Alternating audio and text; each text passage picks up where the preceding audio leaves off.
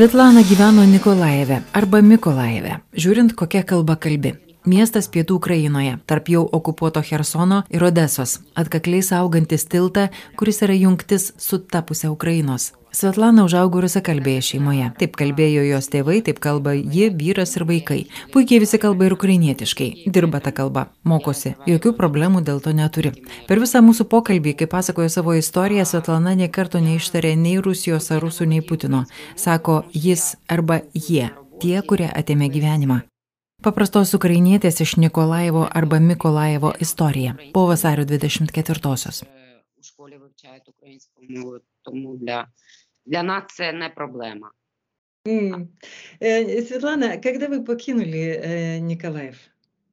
Когда вот у нас все произошло 24 числа в 6 утра, э, у нас разбомбили аэропорт Кульбакина, и мы слышали эти взрывы. Я обычно всегда просыпаюсь в 6 утра, выгуливаю собачку свою, и мы собираемся на работу. Mhm. И у нас начали писать э, в группе, ну, новости мы начали смотреть. Mums viskas prasidėjo vasario 24 dieną 6 ryto, subombardavo mūsų oro uostą.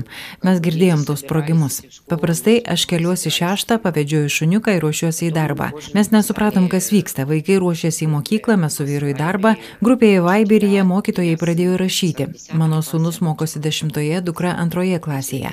Tad mums pradėjo rašyti, kad vaikai mokosi nuotolinių ir niekur neina. O į darbą mes važiavom. Tada vadovai mūsų surinko ir pasakė, kad turim grįžti namo. Taip viskas ir prasidėjo. Negalėjom patikėti, iki dabar netikiu. Nuolat seku naujienas, kas kur visoje Ukrainoje, mano mieste. Pradėjom suprasti, kad reikia susirinkti kažkokius daiktus, dokumentus, nes neturėjome užsienio pasų. Tik sūnus turėjo, kuris yra sportinių šokių sporto meistras. Jis turėjo skristi į Angliją į čempionatą balandžio gegužės mėnesiais. 15 vasario pridavėm jo dokumentus vizai, kurią mums ukrainiečiams labai sunku gauti, reikia surinkti daug dokumentų. Tad taip susiklostė, kad jo pasas ambasadoje buvo ir 23 vakare mums pranešė, kad jam ir jo partneriai davė vizas. Turėjo važiuoti su partnerės mamo pasiimti, bet nebegalėjom to padaryti. Tad iš šalies važiavom neturėdami dokumentų. Vėliau mieste prasidėjo dar stipresni apšaudimai. Nuolat girdėjom oro ir sirenas. Mano vyro mama gyvena Italijoje. Paskambino, sako, renkis ir važiuok. Tad man labai sunku. Mano mama ten liko, ten ir mano gyvenimas, mano darbas, mano gyvūnai, draugai, oras mano, namai mano. Sako, namuose ir sienos gydo. Taip ir yra. Šalia gyveno ir mano vyro močiutė. Jai balandžio 24 dieną, kai Ukrainoje švesim Velykas, sukaks 80 metų. Mes kas vakarą grįždavom namo, kai galėjom saugiai grįžti, nagvojom su ją. Važiuodavom apsipirkti, tada vėl grįždavom pas ją. Bet kai pradėjo dar labiau kaisti atmosfera, supratom, kad prasideda kažkas labai baisaus. Kai Rusijos armija įėjo į Kuchovką, kai užgrobė Kuchovkos vandens saugyklą, įėjo į Hersoną ir pradėjo apšaudyti Nikolaevą iš Hersono. Mama pradėjo kalbėti apie visą tai ir viskas buvo nuspręsta per vieną vakarą. Ryte atsibudau, suradom žmogų, kuris mane galėtų pervežti per tiltą į Odesą, kurį taip saugo mūsų gubernatorius Kimas, visi jį saugo kariškiai, nes jis jungia mūsų Odesą. Taip yra bent koks šansas. Nes tuo metu, kai aš išvažinėjau, jie jau apšaudė Vosnesenską, Kievo kryptimi iš pietų.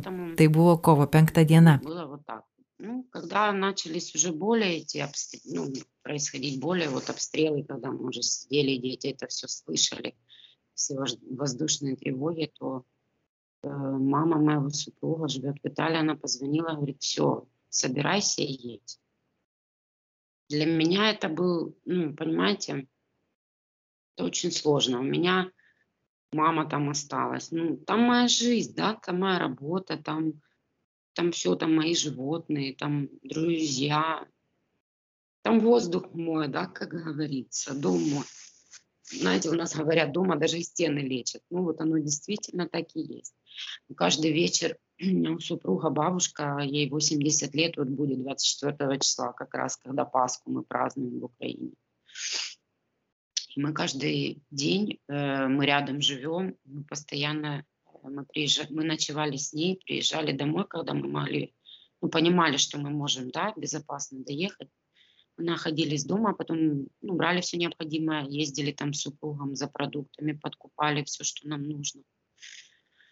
Потом возвращались к ней, и потом вот когда уже началась накаляться обстановка, мы понимали, что уже, конечно, идет что-то очень страшное, и уже когда русские войска в- зашли э, Новую Каховку, когда они уже захватили, как называется, водохранилище Каховское. И когда уже они зашли в Херсон и начали обстреливать Николаев с Херсона, конечно, мама ну, начала говорить, и ну, буквально решилось все вот в один вечер.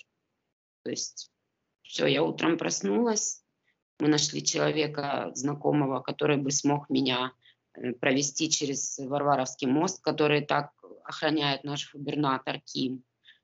Э, ну, все его охраняют, он, э, войска, солдаты наши все, потому что если он соединяет нас с Одессой, да, есть хоть какой-то шанс. Потому что когда на тот момент, когда я выезжала, уже они обстреливали Вознесенск, направление на Киев. Э, то есть уже как бы с нашей стороны, с юга они планировали туда. Это какой день было, когда вы уезжали, Светлана? Сейчас я вам скажу, это было шестое, шестое, нет, это было пятое число, 5 марта. Угу, угу. 5 marto мы приехали в Одессу. Mes atvažiavom į Odesą, pervažiavom visus patikrinimo punktus, keliai labai išgrūsti žmonių, be galo daug, vaikų pilna, atvažiavom į Odesos traukinių stotį. Man tai buvo šokas, aš niekada nebuvau mačius tokios žmonių minios. Maniau, atvažiuosim, nusipirksiu bilietus, net nesupratau, kur man reikia judėti, kad kirsti sieną. Su manimi dar viena mergina buvo su vaiku. Supratau, kad man reikia važiuoti, bet nesupratau, kaip tai vyks. Ir kai atvažiavom, tris valandas pralaukėm stotyje, stovėjome eilėje, tada atvažiavo traukinys ir eilė peraugo į minę. Žmonės savęs nebekontroliavo. Mes į traukinį nelipom, mus tiesiog žmonių, moterų ir vaikų srovė ten nunešė. Niekada to nebuvau mačiusi. Aš važinėdavau su sunumi varžybas, būdavo kupė keturi žmonės, dabar važiavom dešimt, su mumis vyras ir žmona ir neįgalus vaikas. Tai baisu, kai žmonės su tokia problema, su taip sergančiu vaiku ir jie nežino, kur važiuoja, jie tiesiog bėga. Люди уже не контролировали себя. То есть просто мы не зашли в поезд. У нас просто поток людей, вот женщин и детей туда, да, направил. Я никогда не... Я ездила с сыном на соревнования всегда, и мы, ну, как обычно, да, ты заходишь в купе, 4 человека, все. А это просто... Нас было в купе 10 человек.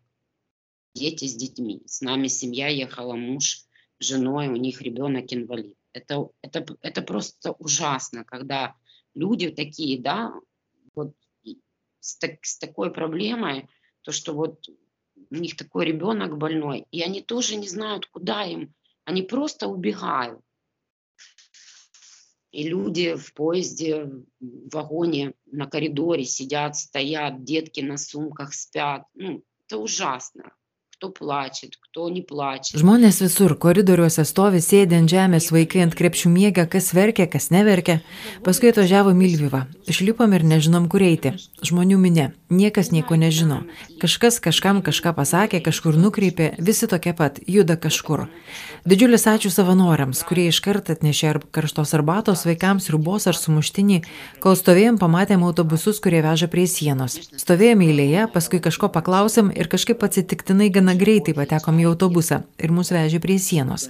Važiavom, važiavom, tada sustabdė autobusus ir liepė išlipti. Mes šokę. Du autobusai, gal 70 žmonių, ateina pas mus to kaimo tarybos vadovas ir sako, nepergyvenkit, tuoj nuvesim į valgyklą, ten palauksit, nes labai daug žmonių, didžiuliai kamščiai ir jūsų tiesiog nepraleis. Man isterija užeinam į tas patalpas, o ten maža erdvė, kavinukė prie kelio. Vėl prasideda verksmai, kliksmai, tiesiog iš bejėgiškumo, kažkas kažką ramina, visi bijo, žiūriu į vaikus ir verkiu, nors suprantu, suprantu, kad neturiu verkti. Tiesiog suprantu, kad niekas nuo manęs nepriklauso, tiesiog reikia laukti. Laukiam, klausim, kada atvažiuos mūsų. Sako, gal ryte. Vaikai miega ant žemės, kai kurie žmonės nutarė eiti pėsti. Ten netoli, apie 3 km nuo sienos, bet mes pagalvojom, kad neįsim, nes gali būti, kad ten tiesiog vidury laukų stovės eilėje. Pralaukiam gal 3 valandas, vėl pasikartojo visa panika, grūstinės, į pirmą autobusą mes neįsėdom, į antrą. Aš į priekį praleidau savo aštuonių metų dukrą. Moteris spaudžia, laikau sūnų už rankos, visas tas spaudimas, ji verkia, bando raminti žmonės, kad visus nuveš, bet galiausiai į autobusą įlipo, mus patikrino, pervežė per sieną. Kai važiavom tuos tris kilometrus, matėm, kaip žmonės stovi laukuose, eilėse ir mašinuose su vaikais. Tai baisu. Nieko panašaus nebuvau mačiusi ir negalėjau patikėti, kad dalyvauju visame tame ir kad tai realiai vyksta. Mūsų ukrainietiškus dokumentus patikrino, mus praleido. Kai tik perėjom Lenkijos sieną, ten iškart savanoriai atnešė karštų gėrimų, maisto vaikams, Aš buvau labai nustebusi, kad Lenkai taip puikiai sutinka, viskas taip gerai veikia. Dar kol laukiam dokumentų, vaikams viską pradėjo nešti, ko reikia. Mažiems vaikiško maisto, drėgnas ir vietelės, mano vaikams saldumynų, sulčių, visko. Tada pasodino į mašinas ir nuvežė prie punkto, kur mūsų užregistravo. Ten aš jau žinojau, ką daryti. Mano vyro sesuo gyvena Amerikoje, ji mums buvo užsakiusi viešbutį, nupirko lėktuvo bilietus per Krokuvą į Romą. Vyro mama gyvena netoli Neapolio. Aš paaiškinau, kur mums reikia. Davė korteles telefono, kad turėtume ryšį Europoje. Mus palydėjo ir iki viešbučio. Pasikalbėjo su administratorium, patikrino, ar tikrai viskas kambaryje gerai, ar galim apsistoti. Tada pailsėjom, paskui jau į Крокувą ir išskridom. И они смотрят и понимают, что ну, они не могут нам да, ничем помочь. Но в то же время, ну вот есть как есть. Многие люди начали идти пешком. Но мы приняли такое решение, что мы не пойдем пешком ну, до границы, да, там как бы три километра, но мы могли просто там стоять в поле, в очереди, потому что ну, людей, как говорили, было очень много. Мы пробыли там, может быть, часа три, наверное, и потом приехали автобус. И опять повторилась же вот эта вот давка, паника у людей. Когда мы садили, мы в первый автобус не смогли сесть, мы сели во второй автобус – и так получилось, что я, э, моя дочь младшая, ей вот будет 8 э, лет, она зашла, я ее вперед, а женщины ну, начали давить, и я держу сына за руку. И вот эта вся давка, она плачет. Потом как-то начали людей, успокойтесь, все влезут, мы всех довезем. Но все-таки мы сели нормально уже потом в автобус, э, довезли нас до польской границы, и мы вот прошли э, ну, контроль, все, автобусы нас прям перевезли туда. И когда мы ехали вот этих три километра, и действительно была вот эта очередь, люди стояли в поле, люди стояли на машинах с детками. Ну, это ужасно. Я никогда такого не видела. Я даже не могла, знаете, вот поверить, что, ну, что я могу быть, да, участвовать в, ну, во всем этом происходящем. Потом мы прошли, ну, проверили наши документы, все, паспорта наши украинские, получается, и пропустили нас. Как только мы перешли польскую границу, там волонтеры, тоже деткам горячий супик, нам чай, кофе, еда какая-то. Потом проверили наши документы, ну, видимо, внесли в базу какую-то свою. И там уже были ну, как у нас э, есть такая структура МЧС, да, которые как спасатели на машинах, и, видимо, там тоже это все очень ну, отрегулировано. Я, ну, я была очень удивлена. Я никогда не думала, что польский народ, вот, ну вот, понимаете, просто без денег, на любой вопрос. Деткам начали, опять же, вот мы пока наши паспорта ждали, уже начали там подносить все, что нужно если маленьким детское питание, там влажные салфетки, моим деткам поднесли там сок, э, сладости, все-все-все. Потом нас посадили э, в эти машины и довезли до пункта, где мы уже ну, прошли регистрацию. И там я знала, что у моего супруга вот есть сестра, мама родная, она живет в Америке. Она, конечно, помогла нам, она забронировала ближайшую гостиницу. Я объяснила спасателям, вот куда нам нужно доехать. Она купила нам билеты с Кракова на самолет, Краков, Мюнхен, Мюнхен, Рим. Э, моя мама наша живет э, возле Неаполя город. Ну, а там она нас уже в Риме встречала. И мы доехали, они нас довезли, волонтеры, ну, подождали, э, мужчина, вот пока мы пройдем эту регистрацию всю, дали нам карточки бесплатные тоже вот на телефон, чтобы у меня интернет был, связь была по Европе. Э, сыну моему тоже дали, и он нас подождал, довез до гостиницы, убедился, я тоже была очень удивлена, я тоже Гинтерусу рассказывала, что э, я в шоке, потому что пока он не поговорил с администратором, э, он зашел, посмотрел наш номер, действительно ли нам есть где ну, достойный номер, чтобы мы переночевали и все было в порядке. Потом он уехал, и мы переночевали. Потом еще на следующий день мы остались. Ну, так вот приняли, чтобы дети отдохнули. Я отдохнула после ну, вот этого всего переезда. Потом уже мы добрались до Кракова, и ну, там уже на самолете, конечно, мы сюда прилетели. Но на протяжении... Так. Да, в Италию. Счастливai, счастливai, как, как, как бы, da. Vaikai visada svajojo į Italiją, bet mes eilinė šeima, mums tikrai buvo sudėtinga su šeima nuskristi pas mamą į Italiją. Buvo brangu. Vis žadėjom vaikams, kad kai užauks, nuvažiuosim. Лететь к маме в ту же Италию, да, это, ну, это дорого, потому что мы обычная, как бы обычная семья, у нас нету там большого достатка, и мы все детям говорили, да, конечно, обязательно, вот вы вырастите там, дети мечтали, как обычно, полететь там. Ну, не в таких обстоятельствах, да, наверное, да. да. да. Bet ne tokiamis aplinkybėmis. Liko jūsų mama, draugai, sekate kaip jie ten. Да, да. И друзья, наверное, вы общаетесь, как там, как там обстановка, как там город живет сейчас? Nuolatos. Skaitau naujieną, skambinu mamai ryte ir vakare. Šiandien ir vakar buvo ramu dvi naktis, mama miegojo namuose, o visą laiką iki šiol visas naktis miegojo slėptuvėje, nes nuolat oro antskrydžiai. Нормально было, тихо. Вчера тоже ночь прошла спокойно. И вот эти вот две ночи, получается, моя мама спала в квартире. А все mm. вот это предыдущее время они спускались постоянно, как только воздушная тревога, они постоянно спускались в бомбоубежище. И, ну, это очень страшно. Это ваш город, который всегда там... Jūsų miestas ta vieta, kurį vis mėginama užimti, nuolatos puolamas. Все время стараются его но это уже, как бы, я думаю, можно, Taip, štai ir vakar. Manau, jau galima apie tai kalbėti, nes visur viešai paskelbta, kad ryte buvo smogta kareivinėms, kur mėgojo jauni mūsų kareiviai. Žuvo 40 žmonių ir visoje apskrityje šiandien paskelbtas gedulas. Человек, и сегодня вот у нас объявлен по всей нашей области день траура. Ну, по ним. Sakote, jau galima kalbėti. Украиniečiai jau žino, kad negalima visko ir visur kalbėti ir skelbti. Как я понимаю, уже украинцам как бы объяснено, что не, нельзя все говорить на, направо и налево, да? Вы как бы так, такие э, э, Потому что это наша безопасность. Nes tai yra saugumas. Skaitau ir internete. Nuolat ieško išdavikų. Yra fotografuojančių, kur postai, viską siunčiančių. Nesuprantu, kaip taip galima. Mes juk gyvenome laisvoje šalyje. Galėjom kalbėti, ką galvojam. Turėjau darbą, namus. Gyvenom pagal vaikų grafiką.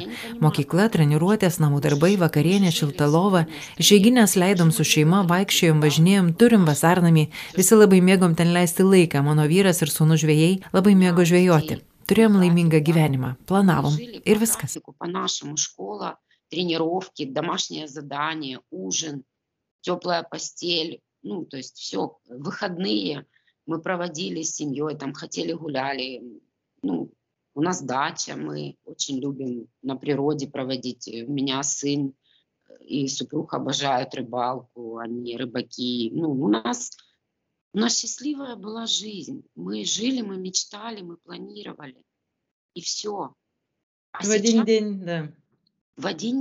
O dabar viskas nutrūko per vieną dieną. Ir kaip toliau gyventi? Aš buhalterė, turėjau aukštą išsilavinimą, dirbau puikioje organizacijoje su nuostabiu kolektyvu, turėjau mėgstamą darbą, labai ilgai ten dirbu, o čia Gerai atvažiavom dabar, na yra mama, dirba gauna kažkokį nedidelį atlyginimą, taip gyvena Italijoje, bet kas iš to? Kita vertus, gerai, kad mums yra kur gyventi, turime ką valgyti, nes kiti vaikai sėdi bombų slėptuvėse ir neturi lėkštės karštos ribos. Очень долго. Я знаю от А до Я. А здесь, вот я приехала сейчас, да, это хорошо, что мама, но она тоже, она работает, получает эти копеечки, да, как говорится. Она, ну да, она живет в Италии, но все равно. И с другой, а с другой стороны, благо, что вот нам есть где жить, детям есть что кушать, потому что другие дети сидят в бомбоубежище, и они не могут тарелку горячего супа съесть. Ну, это, э, да, и кошмар, который не снилось никому, и, и э, да, я понимаю, понимаю ваши чувства, и там, когда остались люди, вы, вы слышите, как, что происходит, как происходит, и как город живет, и, это все время, да, на, на чеку, как что творится.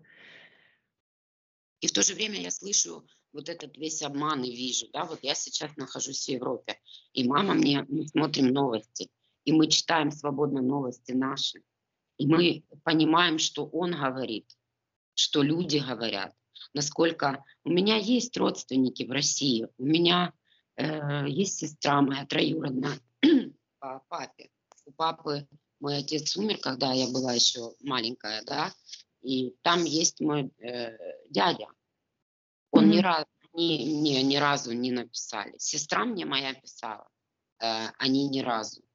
Хотя при том, при всем, что могила его бабушки в моем городе, его мать жива и живет в Николаеве.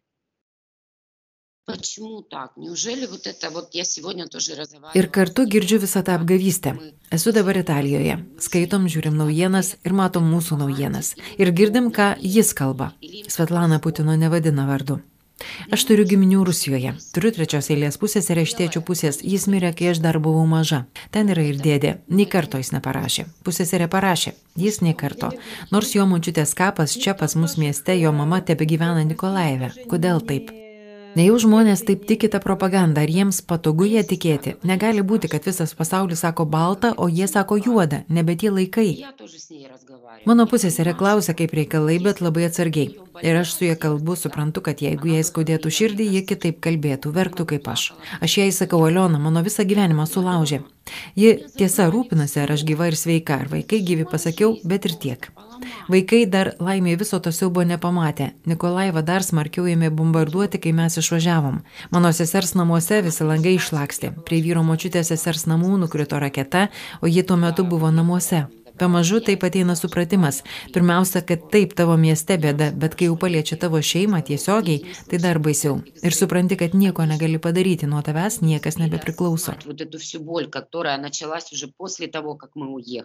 Ведь Николаев еще сильнее начали бомбить после того, как я уехала. У меня, у моей сестры повылетали э, стекла в доме, да, вот на балконе. У Максима бабушки, у моего супруга есть э, сестра родная. Рядом в ее дом э, упала эта ракета. Ну, то есть она рядом в доме. Когда ты понимаешь, что вот происходит уже вот с твоими родными, да, приходит осознание, да, беда в твоем городе, но когда ты понимаешь, что это уже касается твоей семьи, это еще больнее, это еще страшнее, и ты понимаешь, что ты ничего не можешь сделать, от тебя вообще ничего не зависит. Ir yra žmonių, kurie tuo netiki.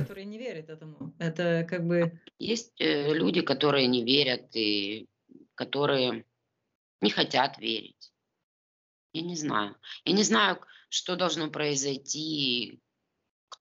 Netikė ar nenori tikėti, nežinau, kas turi atsitikti, kas ką turi padaryti ar pasakyti, jau tiek visko atrodo. Man atrodo, niekada per visą istoriją niekam nėra pritaikyta tiek sankcijų, kaip jiems dabar. Kas galėjo pagalvoti?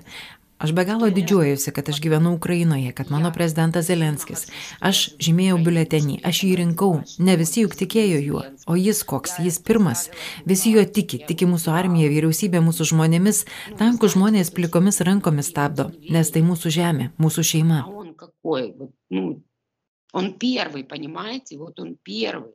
И у нас многие сейчас говорят, что вот он ну, все верят, все верят в нашу армию, в наше правительство, в наших людей, насколько если танки голыми руками люди выходят, останавливают. Ну, потому что это наш дом, это наша семья. Jūs mūsų išlaisvinti atėjot. Nereikia mūsų laisinti, mes laisvi. Tai jūs reikia gelbėti ne mus. Mes viską turėjom, gyvenom kaip norėjom su savo šeimomis, o jūs viską iš mūsų atėmėt. Ir meluojat, gyvenat tame mele. Ne mes. была еда, мы, мы жили как хотели, в свое удовольствие с нашими семьями. А вы у нас все забрали, все забрали. И врете. Кому вы врете? Сами себе. Вы живете в этой лжи. Не мы. Da, į ką kiek dastyč? Nikolaivė yra ir zoologijos sodas. Ir Lietuvoje, mačiau, tam renka pinigus žvėrių maistui. Да. Потому что тоже в Литве, я видела, там собирают деньги для, на корм этих... Да. Так У нас это У нас в Николаеве был самый большой зоопарк в Украине. Очень много, очень красивый, очень ухоженный. Очень. Taip, Nikolaivė mes turim didžiausią Ukrainoje zoologijos sodą. Labai gražus ir prižiūrėtas. Dabar ten didžiulės problemos. Kasdien skaitau naujienas ir kasdien bent vienas straipsnis apie zoologijos sodą. Jie juk nepraleidžia humanitarnės pagalbos, kuri būtina. Nieko negalima į ten atvežti. Jeigu iš Odesos pusės, tai ačiū Dievui dar galima, o iš kitur... То, что заканчивается, его же необходимо ну, какую-то провизию доставлять. Поэтому и там не пропускают, да? Mm. Ну, если вот оно идет с направления Одессы, то да, там получается как бы слава богу. А с других направлений я не знаю. Да, я еще хочу передать привет своему другу Димтерасу. Вот он Dar noriu perduoti linkėjimus savo draugui Gintarui. Per jį mes juk ir susipažinom. Būdama studentė, aš dalyvavau mainų programuose, dirbau Anglijoje, Airijoje, ten su juo ir susipažinom, jau prieš kiek metų. O jis nuo pirmos dienos palaiko mano šeimą, rašo man, mano vyrui, pažįsta mano vaikus. Mes labai dėkingi už tą palaikymą. Tai labai malonu, kai žinai, kad žmogus gyvenantis labai toli pergyvena už tave. Тоже он с первого дня он поддерживает мою семью и постоянно и пишет мне, пишет моему супругу, э, знаком с моими детками. И тоже спасибо ему за вот эту поддержку. Это очень приятно. Это очень тепло. И ты знаешь, что когда кто-то, человек, который живет очень далеко и переживает за тебя, это очень приятно. Спасибо. Radio stočiai FM99 pasakojo Svetlana, palikusi savo gimtą Nikolaivo arba Mikolaivo miestą ir šiuo metu apsistojusi Italijoje. Jie kalbino Vilija Kvedaraitė.